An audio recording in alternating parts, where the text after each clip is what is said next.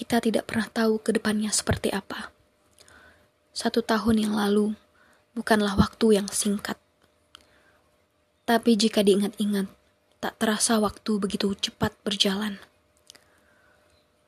Jika diingat momen satu tahun ke belakang, sungguh tak menyangka akhirnya timbul juga pelangi setelah beribu-ribu kelam dilewati.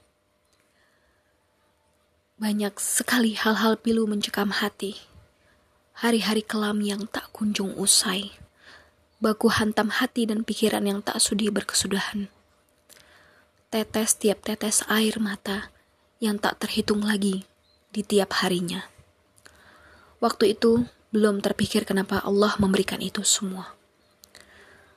Hingga akhirnya pasrah untuk menerima apa pun yang diberikannya. Di saat ini, baru terpikir maksud Allah mengirimkan itu semua. Dan tidak disangka, sangat tidak disangka, dia mengirimkan jalan-jalan kecil yang sungguh tidak dapat kita perkirakan. Hingga mimpi yang hanya imajinasi terwujud dengan hal-hal yang tak terduga.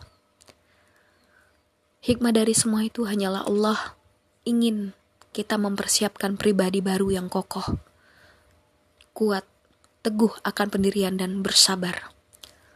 Kuncinya hanya satu. Allah hanya minta kita bersabar dan terus memperbaiki diri dalam setiap ujian yang diberikan. Wassalamualaikum warahmatullahi wabarakatuh. Untuk aku sebelum kamu.